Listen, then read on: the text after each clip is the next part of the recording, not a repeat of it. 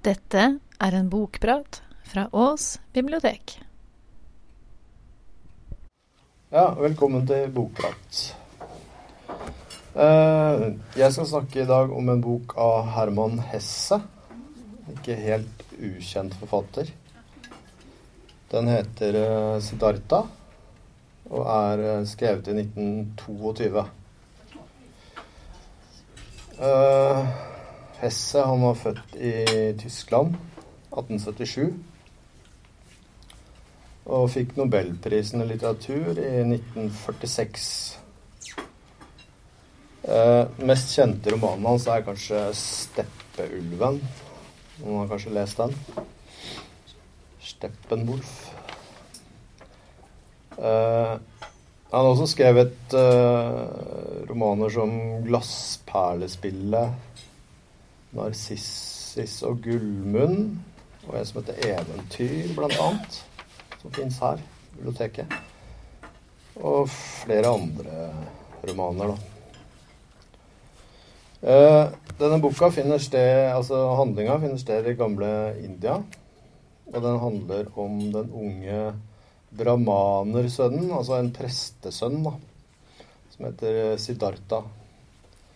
Han lever på samme tid som uh, Gotama, eller Gautama-buddha, altså den uh, den ordentlige Buddha. Men det er ikke Buddha som er hovedpersonen her, men en som da heter Siddhartha.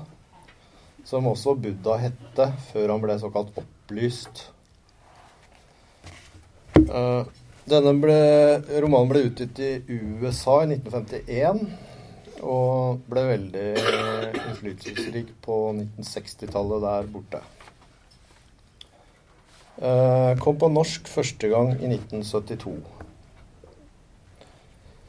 Uh, røde tråd, tråden i den boka er uh, altså Siddharthas da, søken etter sannhet og, og, mening med livet. og sjøl om handlinga den er satt i India, så er bekymringene kan man si, til Siddhartha universelle. Og Den uttrykker veldig Herman Hesses interesse da, i konflikten mellom sinn, kropp og ånd. En konflikt som han var veldig interessert i, og som var kanskje spesielt viktig for Hesses tid, kan man si. Psykoanalysen hadde jo eksplodert da, på, i Europa på, i de første tiårene av det 20. århundre. Og, da, og undersøkelsene rundt opphavet av menneskelig atferd hadde jo revolusjonert våre forestillinger om oss selv. Som et resultat måtte en ny forståelse av mennesket på banen. Men også første verdenskrig, der teknologiske oppfinnelser ble brukt til å slakte mennesker da, på nye forferdelige måter, førte til en ny gjennomgåelse av forholdet mellom de ulike aspektene da, og selv.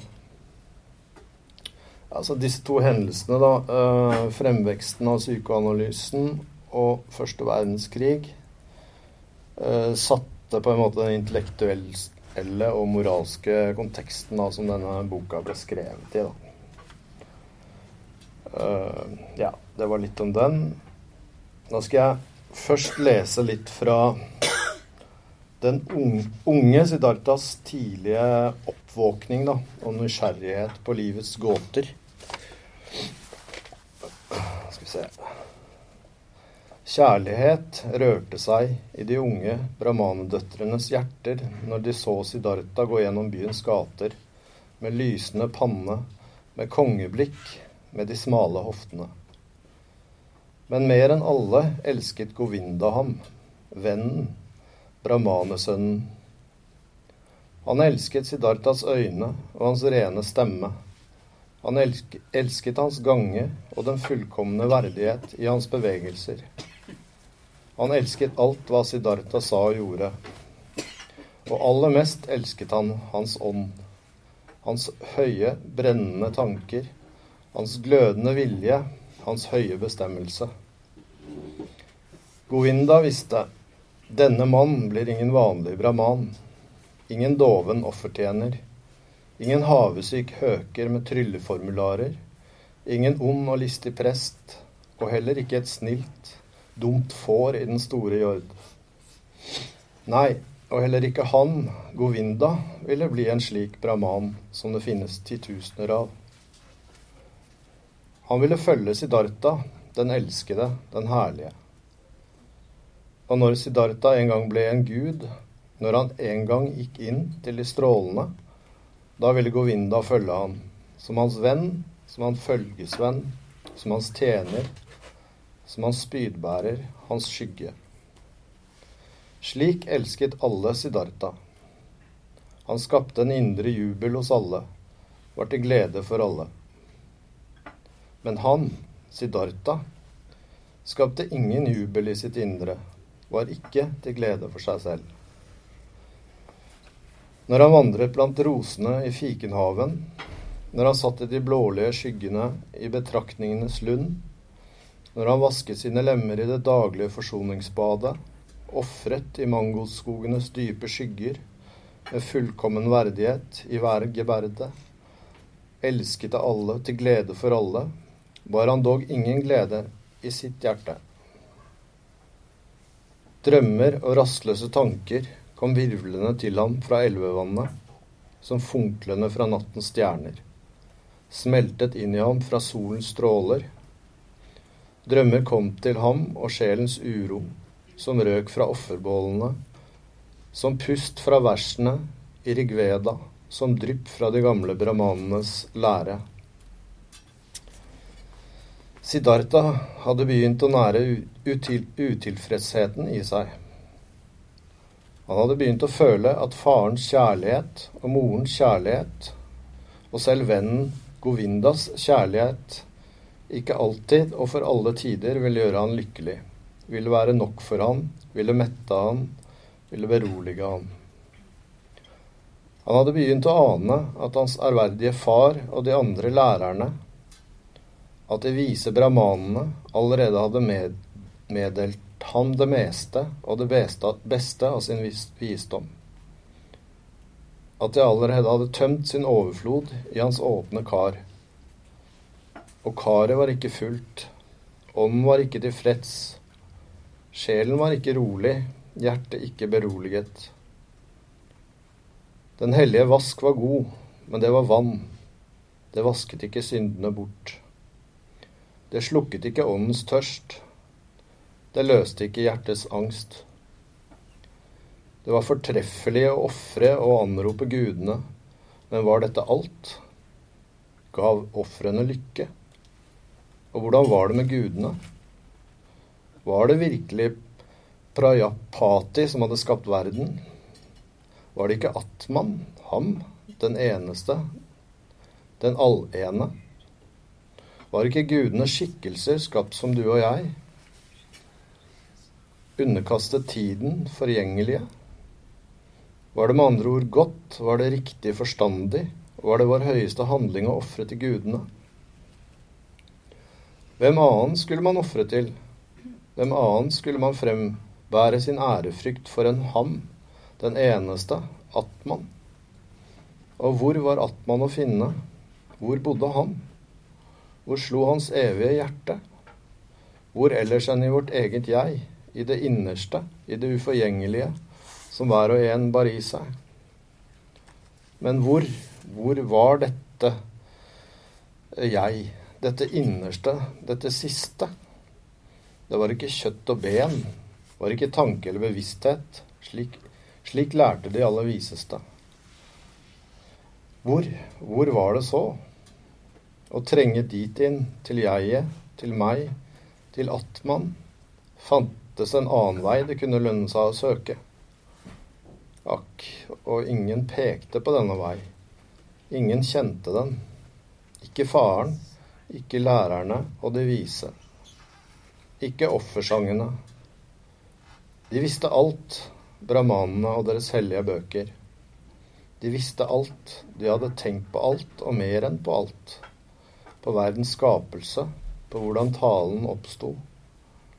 Og maten, innåndingen og utåndingen, sansenes orden, gudenes gjerninger. De visste uendelig meget.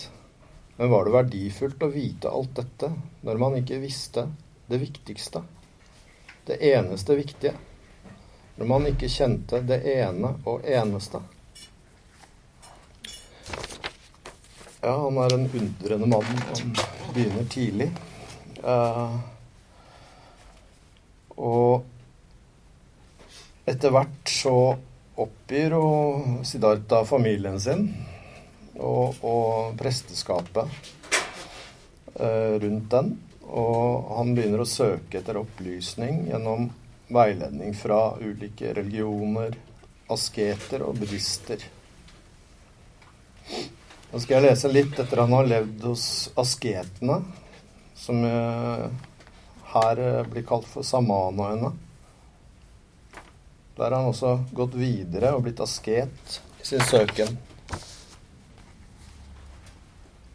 Og etter å ha bodd der en stund, så reflekterer han rundt det.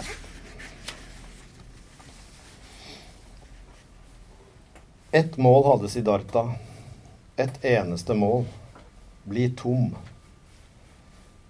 Tom for tørst, tom for ønsker, tom for drømmer, tom for glede og lidelse. Dø vekk fra seg selv, ikke lenger være et jeg. Tømme sitt hjerte og finne ro. Utslette seg selv i tankene og stå åpen for underet. Det var hans mål. Når hele jeget var overvunnet og dødt, når hver trang og hver drift var blitt taus i hjertet, da måtte det siste våkne det innerstes vesen, som ikke lenger er av jeget, den store hemmelighet. Altså, dette asketene prøv, prøv, prøvde på. Taus sto Siddhartha i den loddrette solilden, glødende av smerte, glødende av tørst, og sto til han følte verken tørst eller smerte mer. Taus sto han i regntiden, mens vannet dryppet fra håret ned på de frosne skuldrene, på de frosne hoftene og bena. Og den botferdige sto til skuldrene, og bena, øh, øh, og bena ikke var frosne lenger, til de tidde, til de var stille. Taus krøp han sammen i tornekrattet, mens blodet dryppet fra den brennende huden, fra de verkende byllene. Og Siddhartha ble sittende urørlig til blodet ikke fløt lenger, til intet stakk, intet brente lenger. Siddhartha satt med rett rygg og lærte å spare på åndedrettet. Lærte å greie seg med svakt åndedrett. Lærte å stanse åndedrettet. Han begynte med åndedrettet og lærte å dempe hjerteslaget. Lærte å redusere hjerteslagene til det var få og nesten ingen igjen. Belært av de eldste, samanaene, øvet Siddhartha selvutslettelse etter samana-regler som var nye for han. En heire fløy over bambusskogen, og Siddhartha tok heiren opp i sin sjel. Fløy over skog og fjell, var heire, åt fisk, sultet heiresult, snakket heireskrik, døde heiredød. En død sjakal lå på sandstranden og Siddhartas sjel smuttet inn i liket. Var død sjakal, lå på stranden, ble oppblåst, stinket, gikk i forråtnelse, ble revet i stykker av hyenene, ble flådd av gribbene, ble skjelett, ble støv, ble spredd over markene med vinden. Og Siddhartas sjel vendte tilbake fra døden, fra oppløsningen, fra støvet, hadde smakt kretsløpets mørke rus og var grepet av ny tørst var på vakt som jegeren etter den åpning hvor han kunne unnslippe kretsløpet, hvor årsakene tok slutt, hvor lidelsene tok slutt og evigheten begynte. Han drepte sine sanser, han drepte sine erindringer. Han smøg seg ut av jeget i tusen fremmede skikkelser. Var dyr, var åtsel, var sten, var tre, var vann, og fant seg hver gang våknende igjen Solen skinte, eller månen var, at, eller månen var atter jeg, svingte i kretsløpet, følte tørst, overvant tørsten, følte ny tørst. Siddhartha lærte meget hos samanaene, altså asketene. Mange veier lærte han å gå bort fra jeget. Han gikk selvutslettelsens vei gjennom smerten, gjennom den frivillige lidelse og overvinnelse av smerten, av sulten, tørsten, trettheten. Han gikk selvutslettelsens vei gjennom meditasjon, ved å tenke sansene tomme for alle forestillinger. Disse og andre veier lærte han å gå. Tusen ganger forlot han sitt jeg. I timevis og dagevis dvelte han i ikke-jeget. Men selv om veiene nok førte bort fra jeget, så var han ved veis ende allikevel alltid tilbake i jeget. Og selv om Siddhartha flyttet fra jeget tusen ganger og dvelte i intet, dvelte i dyret, i stenen, uunngåelig var tilbakekomsten. Ufravikelig var timene han fant seg igjen, i solskinn eller i måneskinn, i regn eller skygge. Igjen var han jeg og Siddhartha og igjen følte han byrden av det kretsløp som var pålagt ham. Som en skygge levet Govinda ved hans side og gikk de samme veier, underkastet seg de samme anstrengelser. De snakket sjelden med hverandre om annet enn det tjenesten og øvelsene krevde av dem. Stundom gikk de sammen gjennom landsbyene for å tigge mat til seg selv og sine lærere. Hva, men, hva mener du, Govinda? sa Siddhartha en dag det gikk sin tiggegang. Hva mener du? Er vi kommet videre? Har vi nådd noe mål? Govinda svarte, Vi har lært, og vi lærer videre. Du vil bli en stor samana, Siddhartha. Raskt har du lært hver eneste øvelse. De gamle samanene har ofte beundret deg. Du vil bli en hellig, Siddhartha. Siddhartha sa, Det ser ikke slik ut for meg, min venn. Det jeg inntil denne dag har lært hos samanaene, det, O Govinda, kunne jeg ha lært enklere og raskere. Jeg kunne ha lært det i hver eneste kneipe i horestrøkene. Jeg kunne ha lært det blant vognmenn og terningsspillere. Govinda sa, Spøker du med meg? Hvordan skulle du ha lært å holde åndedrettet tilbake? Hvordan skulle du ha lært ufølsomhet mot sult og smerte blant disse elendige? Og Siddhartha svarte stille, som om han talte til, til seg selv. Hva er fordypelse? Hva er det å forlate kroppen? Hva er det å faste? Hva er det å holde åndedrettet tilbake? Det er flukt fra jeget kortvarig å unnslippe jeg-tilværelsens pine. En kortvarig bedøvelse mot smerten og livets meningsløshet. Den samme flukt, den samme kortvarige bedøvelse, finner oksedriveren i herberget når han drikker noen skål, skåler risvin eller gjæret kokosmelk. Da føler han ikke lenger sitt selv. Da føler han ikke lenger smerten i livet. Da finner han en kortvarig bedøvelse. Når han slumrer inn over sin skål med risvin, finner han det samme som Siddhartha og Govinda finner når de gjennom lange øvelser unnviker fra sitt legeme og dveler i ikke-jeget. Slik er det, O Govinda. Ja, han eh, Han eh, Hva skal man si? Gjennomskuer askettilværelsen også. Uh, hele tida reflektere videre. Og så skal jeg lese neste steg på, på veien hans, hvor han da akkurat har øh, møtt øh, den opplyste Gotama Buddha. Så.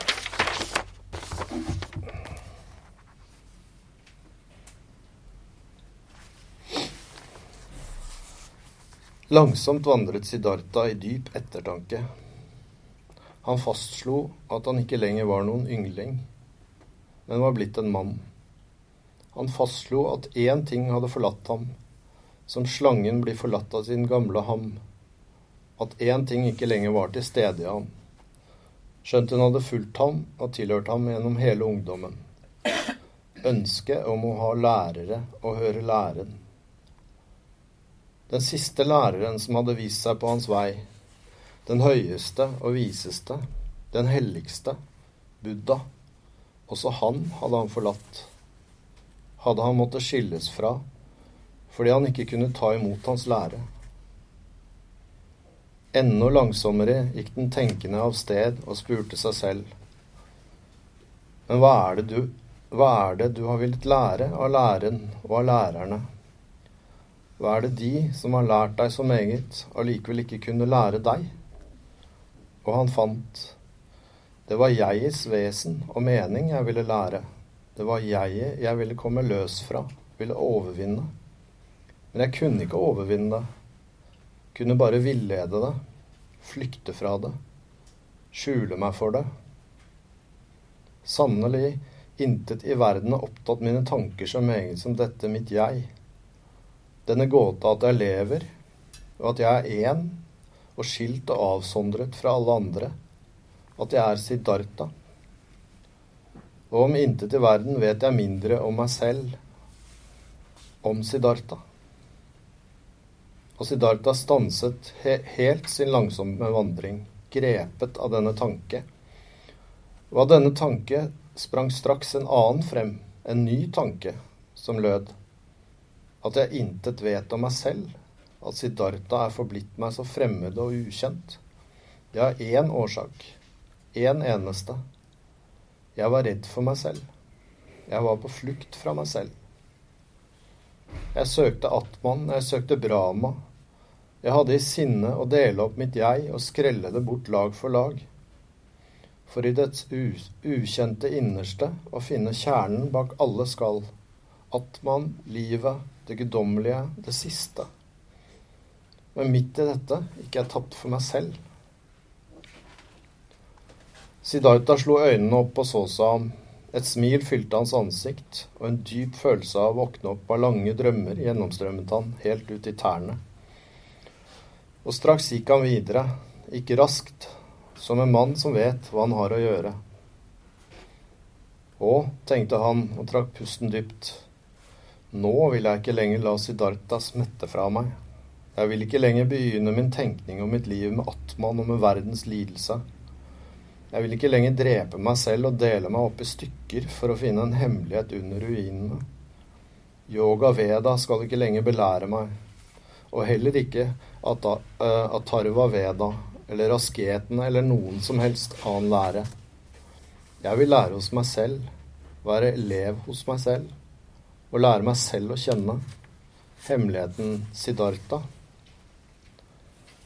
Han kastet et blikk rundt seg som om han så verden for første gang. Skjønn var verden. Mangfoldig var verden. Selsom og gåtefull var verden. Her var blått, her var gult, her var grønt. Himmelen fløt og elvene. Skogen så steilt og fjellene. Alt skjønt, alt gåtefullt og magisk. Og midt i det hele han, Siddhartha, den våknende, på vei til seg selv. Alt dette, alt dette gule og blå, elv og skog, gikk for første gang inn gjennom Siddharthas øyne var ikke lenger Maras trolldomsverk, var ikke lenger Mayas slør, var ikke lenger en meningsløs og tilfeldig mangfoldighet i fenomenenes verden. Foraktet av den dyptenkende brahman som søkte enheten. Blått var blått, elv var elv, og selv om det ene og guddommelige levet skjult i det blå og i elvestrømmen inne i Siddhartha, så var jo nettopp det guddommeliges art og mening å være gult her, blått her, himmel der, skog der og Siddhartha her.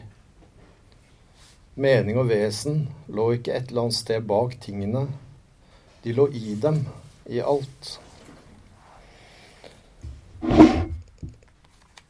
Ja, han, eh, han er på vei videre, og oppdager på en måte at de ytre åndelige kildene han har søkt da, på forskjellige måter, ikke greier å tilfredsstille den kunnskapen og veiledningen han, han trenger. Så det han gjør nå, er å forkaste alt dette her for, eh, for det materielle og kjødelige verden. Men Siddhartha er jo Siddhartha, så Så han gjennomskuer jo selvsagt den også. Uh, etter å ha levd som rik mann uh, veldig lenge og ja, oppnådd, oppnådd my mye rikdom og, og, og kjø kjødelighet, for å si det sånn, så får han en ny åpenbaring, for å kalle det det. Les litt om det. Som et slør, som tynn tåke, senker trettheten seg over Siddhartha.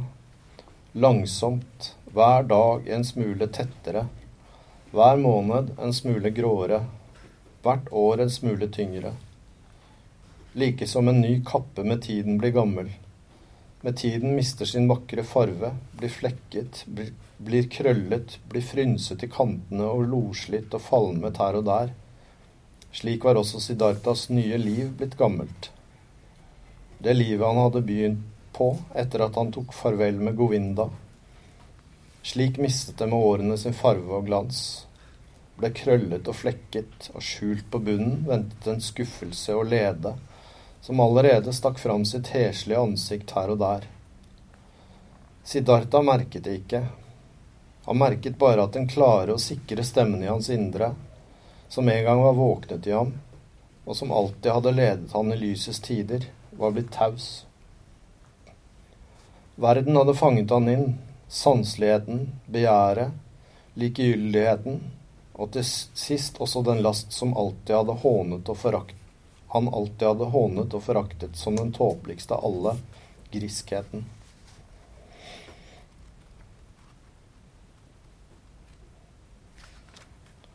Så han hopper jo av den stien der. Uh, han uh, skjønner etter hvert at den er umulig, og han uh, kast, holdt på å si, løper ut fra all sin rikdom, kaster bort alle sine eiendeler. Og treffer etter hvert en eh, en, en såkalt elvemann, da. En som eh, En fergemann, mener jeg. Hvor han slår seg ned ved Som han slår seg ned sammen med ved en elv. Så skal jeg lese litt på slutten her. Ikke helt på slutten av boka, for det skjer ennå litt til etter det. Uh, men han bor altså da ved en elv. Uh, og barndomsvennen Govinda han hører mot slutten av sitt liv da, at uh, det bor en opplyst fergemann da, ved, ved, denne elven, og reiser og besøker, besøker han. Og finner ut at det er hans venn Siddhartha da, som er den vise fergemannen. Govinda er fremdeles en disippel av Buddha men han føler seg fremdeles søkende. Og han stiller da Siddhartha en masse eksistensielle spørsmål her, da, som jeg skal lese litt til slutt. Uh, Siddhartha her Hør, Govinda, dette er en av de tanker jeg har funnet. Visdom lar seg ikke meddele. Når en vismann forsøker å meddele visdom, klinger det som galskap. Spøker du? spurte Govinda. Jeg spøker ikke. Jeg sier deg hva jeg har funnet. Viten kan man meddele, men ikke visdom. Man kan finne den, man kan leve den, man kan bæres av den. Man kan gjøre undre med den, men man kan ikke si den videre og lære den fra seg. Dette var det jeg under tiden ante allerede som yngling. Dette var det som drev meg bort fra lærerne. Jeg har funnet en tanke, Govinda, som du nok også vil betrakte som spøk eller galskap.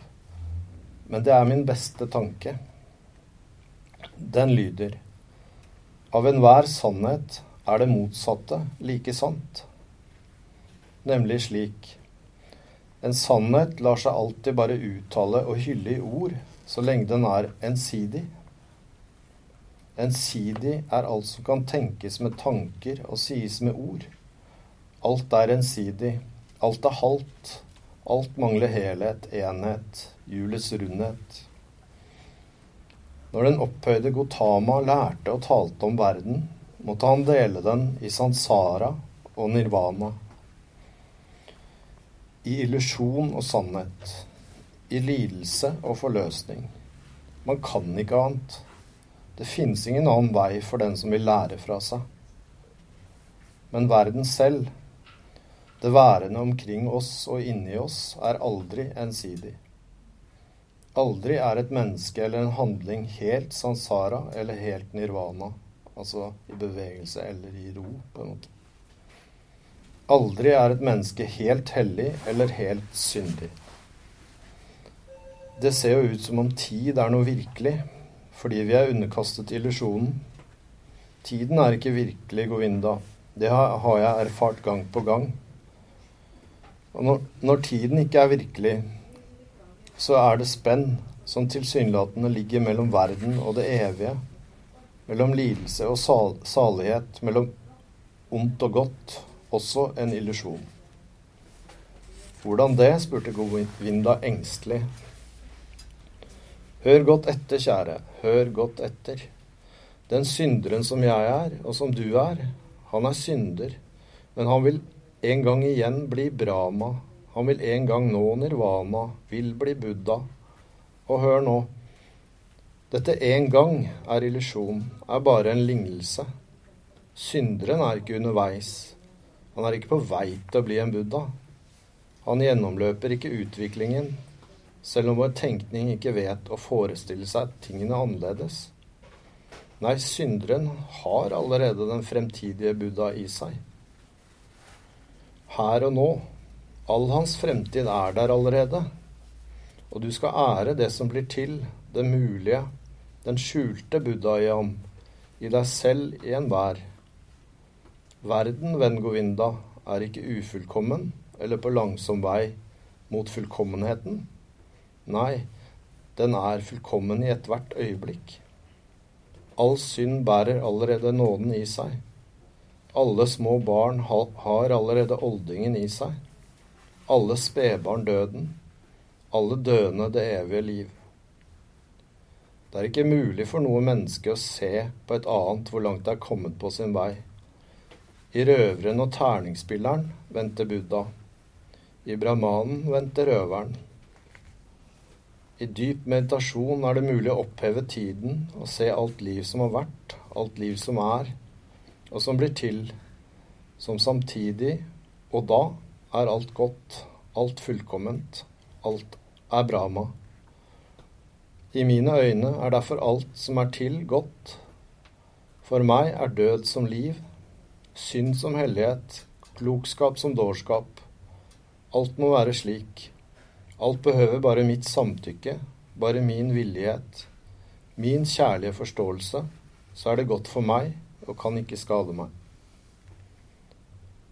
Jeg har erfart på kropp og sjel at jeg sterkt trengte til synden, vellysten, trengte til å strebe etter gods, trengte forfengeligheten og den usleste fortvilelse for å lære å oppgi motstanden for å lære å elske verden, for ikke lenger å sammenligne den med en eller annen verden som jeg hadde ønsket meg og innbilt meg, en eller annen form for fullkommenhet som jeg hadde tenkt ut, men for å la den være som, men for å la den, være som den er, og elske den og være glad for å tilhøre den. Dette, Ogovinda, er noen av de tanker som er kommet til meg. Ja, det er vel eh, det jeg kanskje skulle si. Det er mye å tygge på her. ja. Han eh, I denne samtalen her så sier han også altså, at han påpeker at uh, kun å fokusere på målet, altså nirvana, da, så unnlater da Govinda hans venn da, å legge merke til de små ledetrådene underveis, da. Som ville ha pekt han i riktig retning. Han, altså, Govinda prøver for hardt, da, i praksis. Så Ja, det er en eh, Jeg syns boka er utrolig vakker. Jeg har lest den flere ganger. Og et mesterverk. er det noen som vil spørre om noe, kanskje? Eller? Var han buddhist selv, siden han klarer å skrive det Hesse tenker du på? Uh, nei, jeg tror ikke det. Altså, han i hvert fall ikke en sånn uh, skriftlærd buddhist, da. Siddhartha her går jo på en måte Buddha en høy gang i denne boka. Han uh, fjerner seg til og med fra all lære, liksom. Sånn. Så jeg, jeg, jeg, tenker at det Hesse han prøvde steget videre. Altså kanskje noe som kan minne om sen buddhisme. Altså hvor du liksom tar avstand fra omtrent alt.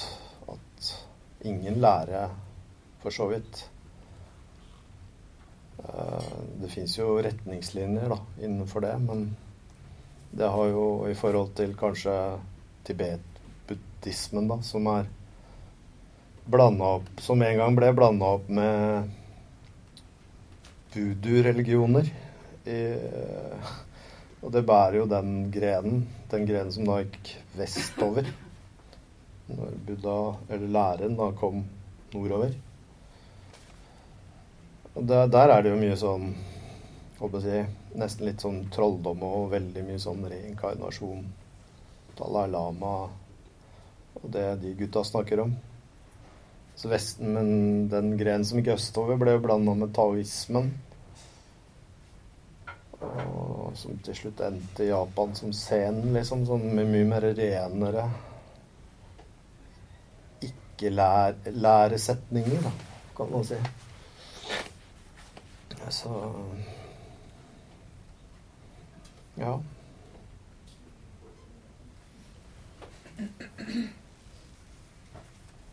Men var, jeg vet ikke, Hessa han var eh, spesiell uansett. Jeg vet ikke om noen har lest 'Glassperlespillet', f.eks. Det er en vanvittig bok. jeg vet ikke egentlig hva han prøver på der, men det er, eh, det er, det er nesten umulig å beskrive den boka.